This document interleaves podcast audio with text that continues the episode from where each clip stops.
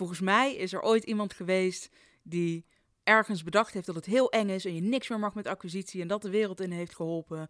En toen werd iedereen opeens bang of zo.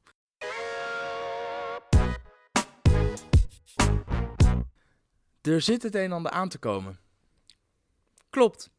GDPR en schuine streep, hoe heet het, wat is die andere term? AVG, dat is gewoon de Nederlandse vertaling. Ehm, Algemene Verordening Gegevensbescherming, of dus de General Data Protection Regulation.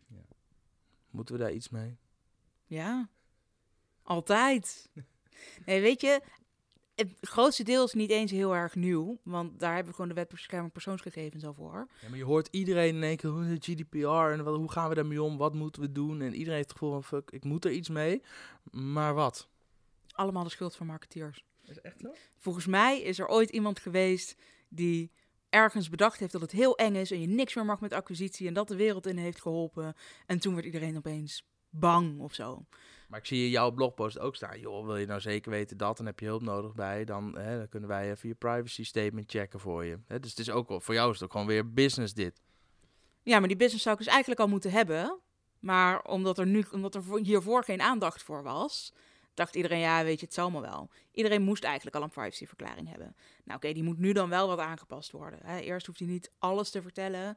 En de AVG wil dat je echt super, super transparant bent en veel meer vertelt over welke gegevens je nou verzamelt en waarom en wat je er dan mee doet en hoe lang je ze bewaart. En nou, dan moet je ook nog vertellen dat iemand inzagerecht heeft en dat ze mogen klagen en nou ja, allemaal dat soort zaken. Voor, voor wie geldt dit? Voor ZZP'ers of ook voor de Heinekens van deze wereld? Voor elke ondernemer, want elke ondernemer heeft klanten en je hebt dus gegevens van je klanten. Ehm, en je hebt altijd een contactpersoon, dus een fysiek persoon waarmee je ehm, ja, praat over de opdrachten die je uitvoert. En die gegevens zijn nu ook persoonsgegevens. Dat is wel echt een verandering. Hiervoor was alleen van ja, privépersonen, zeg maar. En nu zeg je, oké, als je ergens werkt, eh, je doorkiesnummer, je zakelijke e-mailadres, dat zijn ook persoonsgegevens geworden. Wat betekent dit nou voor mij in de dagelijkse bedrijfsvoering?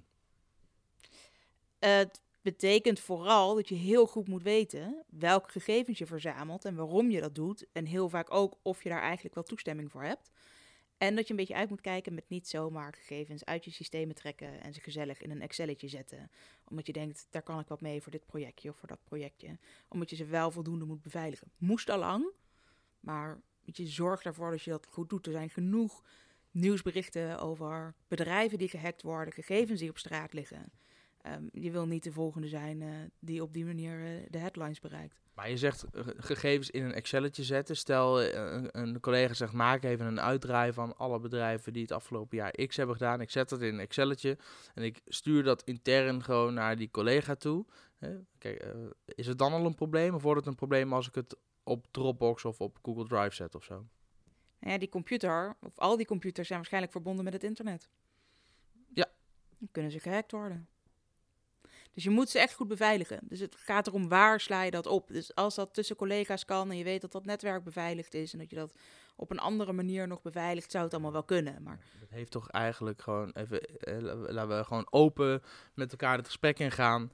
Eh, en ik, ik vertegenwoordig ook een beetje mijn kijkers en luisteraars. En laten we even eerlijk zijn, dat heeft toch gewoon bijna niemand op die manier echt goed geregeld. Nee, dat klopt. Dat heeft ook niemand goed geregeld.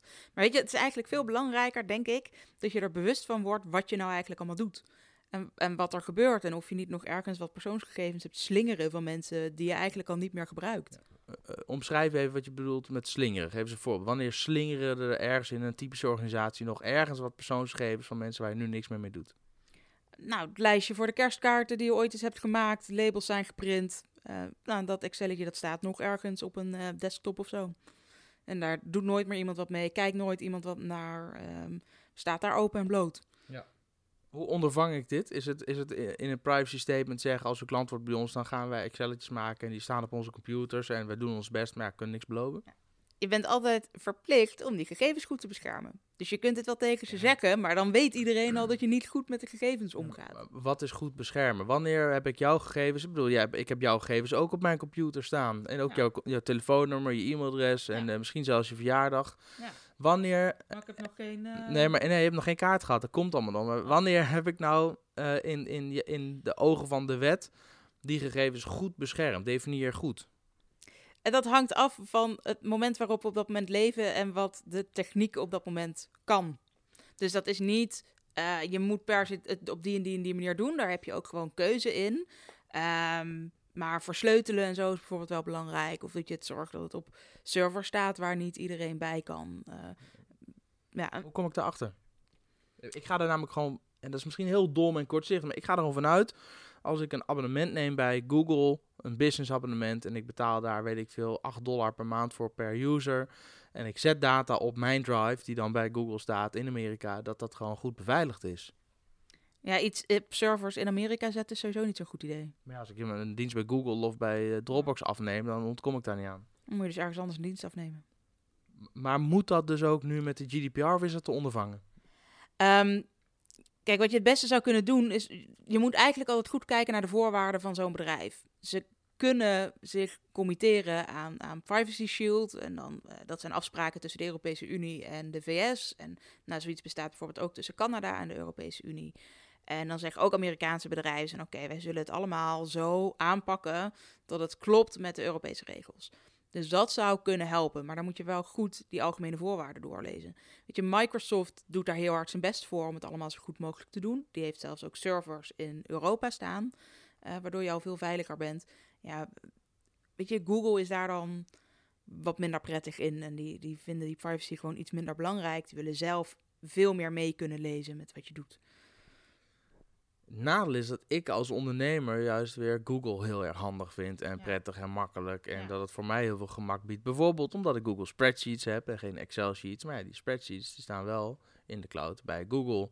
En ik heb ook wel spreadsheets waar eh, klantgegevens in staan. Hoe kan ik nou ondervangen of hoe kan ik, moet ik dat dan of in mijn privacy statement uitleggen dat ik dat doe, zodat als mensen zaken doen met mij, dat ze daar in elk geval van op de hoogte zijn? Is dat voldoende? Of moet ik bij Google, eh, eh, ik las ook in jouw stuk, moet ik dan bij Google een, een verklaring opvragen met, joh, ik heb data bij jullie staan, eh, wat doen jullie ermee?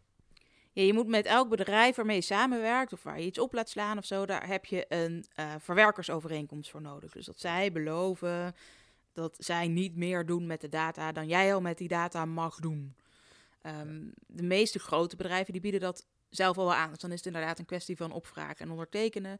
Eh, bij Microsoft, het is bijvoorbeeld als je OneDrive gebruikt, zit het gewoon in de algemene voorwaarden versleuteld. Dus dan is het ook al oké. Ehm, maar echt al- alleen maar vermelden, zeg maar, alleen maar uitleggen dat je dit zo doet, is niet genoeg. Want je moet zeker weten dat het voldoende beveiligd is. Dus als er ooit een zaak komt, dan moet ik laten zien dat ik er alles aan gedaan heb om. Stel dat er bij Google iets openbaar wordt, dan moet ik in elk geval iets kunnen laten zien. van, maar ik heb in elk geval, ik wist ook niet beter dan dat dit veilig. Kijk maar, wat heb ik gevraagd en het staat hier.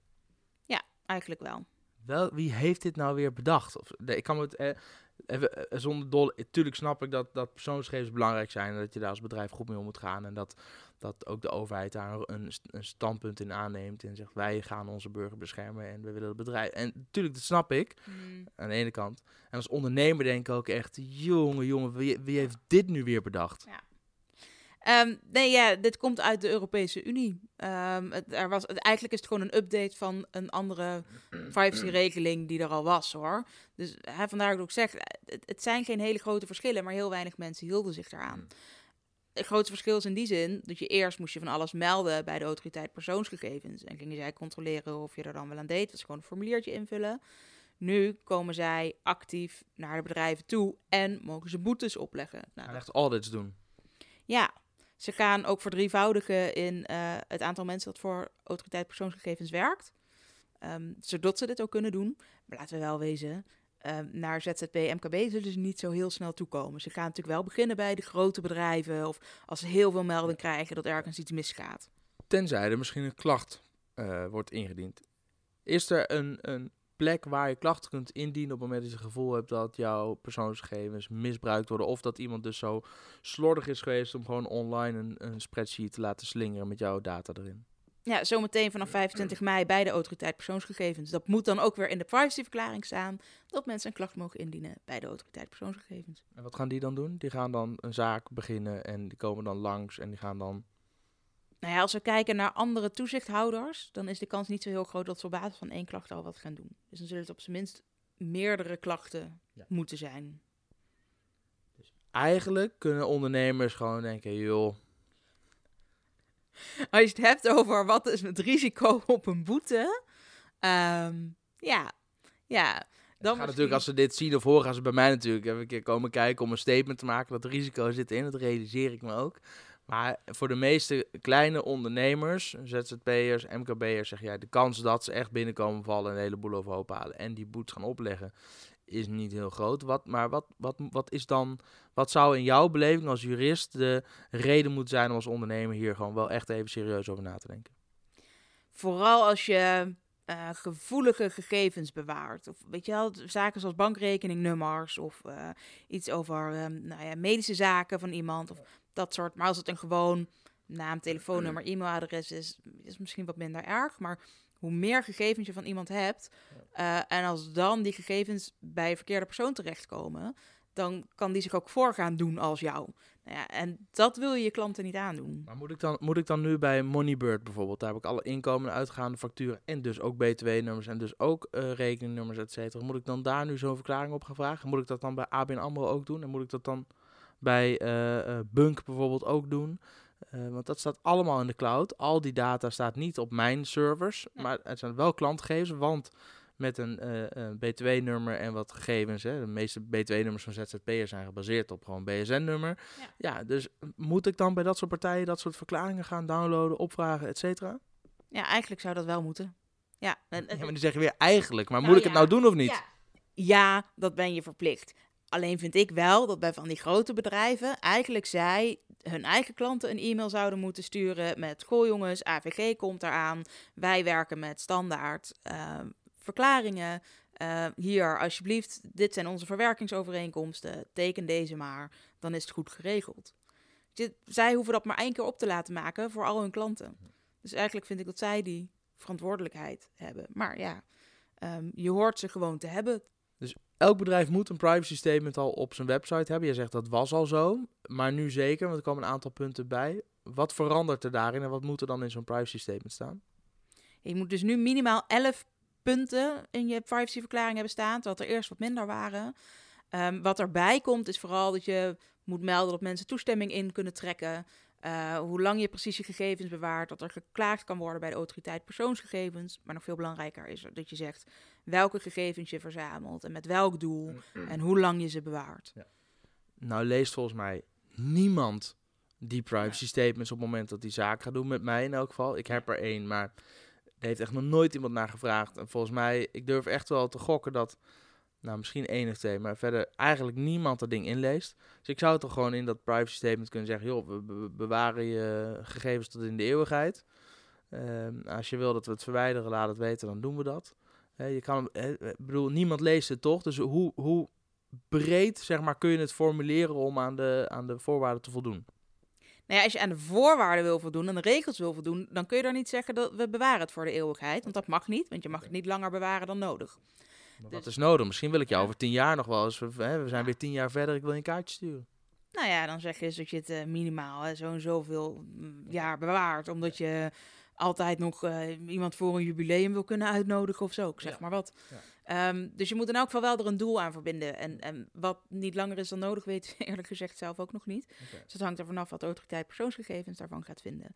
Ik zou wel zorgen dat je privacyverklaring die je dan wel op je website zet, dat die wel klopt. Zodat als de autoriteit persoonsgegevens komt controleren, is dat Nee, natuurlijk wel het eerste waar ze naar gaan kijken. Nee, je, moet er ook, je moet er ook geen kakverhaal van maken, dat snap Oh, ik. ja. Maar, nou ja, maar, maar ik bedoel, je kunt wel, hè, ik ben wel benieuwd, waar, wat is dan de, de ruimte die er is?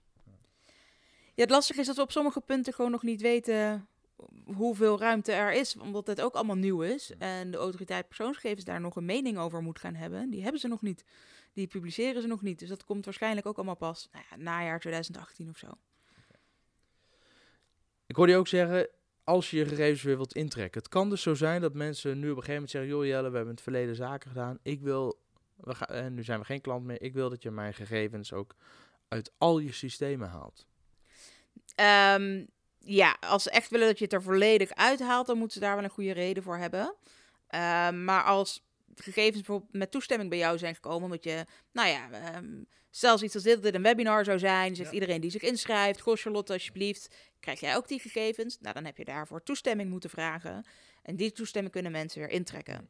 Maar dan mag je die gegevens op zich wel houden nog. Maar vanaf, ja, precies. Vanaf het moment dat de toestemming wordt ingetrokken, mag je niks meer met die gegevens doen. Ja. Vergelijkbaar met je e-mail nieuwsbrief. Mensen kunnen zich inschrijven, dan mag je mailen. Maar als iemand zegt unsubscribe, dan eh, kun je nog steeds hun naam en e-mailadres zien. Alleen je mag er geen mail meer naartoe sturen. Ja, exact. Precies dat. Die, en mag ik dan mensen ook niet meer bellen en zeggen, joh, je bent verleden klant geweest, kan ik je heractiveren? Nou ja, als ze echt klant zijn geweest, dan mag je die gegevens misschien nog wel hebben, omdat ze daadwerkelijk klant waren. En dan kun je ze dus op basis daarvan nog wel eens een keer bellen. Maar dan wel van, een nou, je was klant. Dan krijg je alleen weer, dat heeft dan niet met de AVG te maken, maar met de telecommunicatiewet en de e-privacy-richtlijn, die, um, of verordening wordt er trouwens, die als het goed is ook per 25 mei van kracht gaat. Dat als mensen zich inschrijven voor het Bel me niet register, ook als ze klant waren, je ze niet opnieuw mag bellen. Maar als ze daar dus nog niet in staan, dan mag je oude klant op zich alweer bellen. Goh, je was klant. Ik heb nu iets, iets is misschien interessant voor je. Wil je weer klant worden? Een hoop gedoe. Het is een hoop gedoe. Je zou bijna weer in loondienst gaan. nou, ik niet. ik ook niet. Daarvoor is het niet genoeg gedoe. Nee. Oké. Ehm, jij maakt hier tijd voor vrij, dus ik uh, waarvoor ontzettend bedankt. Ehm, ehm, jij weet hier alles van. Hè? En dit hebben we van tevoren niet afgesproken. Dit is ook niet waarom je tijd vrij maakt. Maar ik gun je gewoon die ruimte wel in dit gesprek. Ik weet ook, ik zag op je website staan, dat als mensen hier vragen over hebben of willen checken of ze wel of niet voldoen aan die nieuwe uh, AVG, GDPR-regelgeving, dan kunnen ze bij jou een check aanvragen. Hoe gaat dat te werk? Wat kost het? En uh, welke stappen moeten mensen nemen? wat het kost hangt ook een beetje af van wat je zelf wil en hoeveel je zelf doet. Ik vind namelijk wel heel belangrijk dat mensen zoveel mogelijk zelf proberen te inventariseren wat ze nou eigenlijk doen. Omdat die bewustwording veel belangrijker is dan al die documenten die ik voor je kan maken. Vind je echt, hè? Vind ik echt. Ja. ja. Ik kan me ook voorstellen, gewoon zeggen, joh, ik wil helemaal niet over nadenken. Ik wil gewoon dat het geregeld is, want ik vind, niemand gaat er naar kijken. Dus uh, regel mij, geef, doe mij een document wat ik op mijn site kan zetten, zodat ik aan die regelgeving voldoe. Punt dat soort klanten hebben we ook wel. En dan doen we dat ook. Weet je, ieder zo zijn ding. Maar um, ik denk dat als je veel beter weet wat je nou verzamelt en waarom je dat doet, dat je ook betere beslissingen neemt in welke gegevens je nou naar binnen gaat halen. Um, want de privacy is eigenlijk nog het beste beschermd door niet meer te verzamelen dan je nodig hebt. Dus als je alleen maar zegt, kom maar op met alles en ik zie wel en ik doe maar wat, dat is eigenlijk een veel groter risico dan, weet je, die hele privacyverklaring of je interne privacybeleid of dat soort dingen. Um, dus vandaar dat ik dat het allerbelangrijkste vind. Uh, een privacyverklaring kan vanaf, um, wat is het, 298 euro. Dan krijg je van ons eigenlijk een soort vragenlijst die je in moet vullen. Omdat we gemerkt hebben dat heel veel mensen niet alles zelf kunnen beantwoorden. Maar nog bijvoorbeeld informatie van een IT'er of een webbouwer of zo nodig hebben. Dus dan heb je gewoon de tijd om die informatie te vergaren. Um, en dan schrijven we die privacyverklaring voor je. Voor alle andere documenten hangt er eigenlijk vanaf hoe klein of groot je bedrijf is, wat voor gegevens je verzamelt en dat soort zaken. Maar nou ja, dit is wel een beetje de range. Ja, weet je, uh, ergens tussen de, de 298 en de 700 euro. Ja, um, ja. Okay. Zo zeg maar 3 tot 700 euro. Uh, en dan heb je in elk geval je papierwerk op orde om. En dan moet je daarna natuurlijk nog heel veel dingen zelf doen. Maar dan heb je in elk geval je statements heb je dan op orde. Ja, het grootste deel in elk geval. Het hangt wel echt van je onderneming af en, en wat je precies wil. En, uh, ja. Ben jij er blij mee met dit soort ontwikkelingen? Want ik kan me voorstellen, voor jou is het gewoon wel weer... Ja, het, uh, het is gewoon business. Um, ik denk niet dat zozeer de ontwikkeling voor mij zorgt voor business, maar dat de ophef zorgt voor business. Dus als die ophef op een andere manier was ontstaan, had ik deze business ook wel gehad. Um, ja, dus ik denk dat, dat, dat die nieuwe regelgeving daar niet eens per se in uitmaakt. En, en weet je, ja, business is leuk, maar de privacy is dan toch ook wel heel belangrijk. En in die zin, nou ja, nogmaals, ik vind echt die bewustwording vind ik veel belangrijker dan dat die documentjes exact kloppen. Um, en, en daar gaat bij grote bedrijven al zo ontzettend veel mis. Ja, weet je, wat moeten we dan helemaal verwachten van, van ZZP'ers of MKB? Wat gaat daar vaak mis bij ZZP'ers en MKB? dat ze geen flauw benul hebben waar ze mee bezig zijn. Dat ze alleen maar alles doen en binnenhalen en, en daar helemaal niet bij nadenken. Dat ze ook niet het gevoel hebben dat ze met persoonsgegevens bezig zijn. Elke website, ook al staat er zelfs een contactformulier op waar je naam en e-mailadres en telefoonnummer in kan vullen, moet al waaraan voldoen. Ja, je hebt in elk geval die privacyverklaring nodig op het moment dat je gegevens kunt binnenhalen. Dus inderdaad, of omdat je reactievelden hebt onder blogposts, of een contactformulier, of inschrijfformulier voor de nieuwsbrief, eh, nou dat soort zaken. Als je dat niet op je website hebt staan, heb je nog steeds je privacyverklaring nodig. Hoeft die alleen ook niet per se op je website gepubliceerd te worden. Maar dan zou je moeten e-mailen naar mensen. Ehm, dat doet al helemaal niemand overigens. Maar... Nou kan ik bij Moneybird op het moment dat ik... Uh, ik gebruik Moneybird voor mijn administratie, facturen, offertes, inkomend, uitgaande, mutaties, et cetera. Nou kan ik bij Moneybird bij alle offertes bijvoorbeeld en facturen standaard een document toevoegen als bijlage. Daar heb ik nu mijn algemene voorwaarden bij zitten. Zeg je, van doe daar dan ook gewoon je privacy statement bij, dan ben je klaar? Um, Naast de website dan, hè? Nou ja, je eerste contact met je klanten, als dat per e-mail gaat, zou ik dat per e-mail sturen en niet via Moneybird. Maar ja, het kan ook geen kwaad. Maar zou je dan in je e-mailhandtekening al gewoon een linkje maken met uh, download hier ons privacy statement en uh, bedoel, dat is zo gepiept. En dan heb je altijd in alle communicatie een verwijzing naar, kan niemand ooit zeggen, ja. ik wist het niet. Nou, het aardige daarvan is denk ik wel dat het niet net zo opvallend is als een document meesturen, waarvan mensen misschien toch het gevoel hebben dat ze daar wat mee moeten, maar dat je er wel naar verwezen hebt. Dus ik denk dat dat best een aardige oplossing is. Of de autoriteit persoonsgegevens het goed genoeg vindt. Jij zegt dat heel erg streng. Maar ik vind hem. Ik vind het wel een hele, hele mooie oplossing. Ja. Maar wat eisen die dan? Als je van, ze zijn wel heel erg streng. Wat, wat, is, wat zeggen zij dan dat je moet? Moet je het echt actief... Als je, moet ik het langsbrengen bij al die mensen? Wat willen ze dan? Nou ja, wat, wat zij eigenlijk willen is dat voordat je persoonsgegevens ontvangt, dat mensen al weten wat je daarmee gaat doen en hoe en wat. En maar die mensen nemen toch het initiatief op het moment dat ze mij een contactformulier invullen. Ja, maar omdat met dat contactformulier, dan moet er dus echt wel bij staan van, oh ja, het gaat uh, hè, via een contactformulier, dus we slaan het hier en hier om op en dit en dit doen we daarmee. Maar per e-mail is het al veel lastiger, omdat je dan zegt, ja, dan heb ik ze niet eens uitgenodigd om contact met me op te nemen. Maar als iemand dus mijn contactformulier invult, moet ik daar eigenlijk bij hebben staan met, joh, je gaat nu je gegevens invullen, dit is wat we er allemaal mee doen. Of mag ik ook een vinkje met, met het verzenden van dit formulier, ga je akkoord met onze algemene voorwaarden privacy statement en uh, de manier waarop we met jouw gegevens omgaan, weet ik veel. Hoe dan? Ja, het mag dus niet maar één vinkje zijn voor algemene voorwaarden en privacyverklaring tegelijkertijd. Tik, tik, tik, tik, de hele shizzle. Ja, nou ja, je hoeft ze niet aan te laten vinken. Dus je kunt wel gewoon zeggen, als je dit formulier verstuurt... Oké. Okay. dan, dit is onze privacyverklaring. Want, want die hoeft alleen maar, daar hoeven ze niet mee akkoord te gaan. Dat is alleen maar informatief. Dus je zegt, je, je kunt dit weten. Ja. Um, en de autoriteit vindt dus eigenlijk dat er van alles al in tekst bij moet staan en dat een linkje niet genoeg is. Nou, ik, het, het wordt onwerkbaar. Um, dus dat, ik denk ook niet dat ze daar daadwerkelijk op zullen gaan handhaven, eerlijk gezegd. Uh, algemene voorwaarden, ja, die heb je eigenlijk pas nodig als je echt een overeenkomst gaat sluiten. Dus die zou ik pas meesturen met een offerte. Ja. Je moet het jezelf ook weer niet moeilijker maken dan het is. En, en dat is volgens mij nu precies waarom, hè, deze hele, waarom we hier überhaupt zitten. Dus ik, we, zitten in een bedrijfsverzamelgebouw in Utrecht. En met de lunch, op een gegeven moment kwam ik Rob tegen en zeg ja, GDPR, ben jij er al klaar voor? En uh, ik zei, GDPR, man, waar heb je het over? Toen zei oh, weet je dan niet? Nou, doen we maar even gaan googelen, want er gaat wat een en ander veranderen. En dat is ook wat jij zegt met die ophef die er gecreëerd wordt. Maar dat maakt wel dat ik denk, ja, maar uh, dan voelt het meteen alsof er heel veel een ingewikkelde shizzle gaat veranderen en gebeuren. Waar ik ineens als ondernemer aan moet voldoen. Nee, ik denk ook meteen aan de cookie-wetgeving en de opt-in-wet destijds, et cetera. Moet ik het daarmee vergelijken? Ja, en zelfs die gaat dus weer veranderen. Dat wordt dus weer in de nieuwe e-privacy-verordening. Komt dat, ja, kan daar weer wijzigingen in plaatsvinden. Waarschijnlijk dus per 25 mei. Maar ja, dat is het inderdaad. Er is heel erg veel ophef. Um, maar hoe kleiner je onderneming is en hoe minder bijzondere gegevens je verzamelt. Dus dat zijn gegevens over, over ras of medische informatie of um, uh, seksuele voorkeur, godsdienst, dat soort zaken.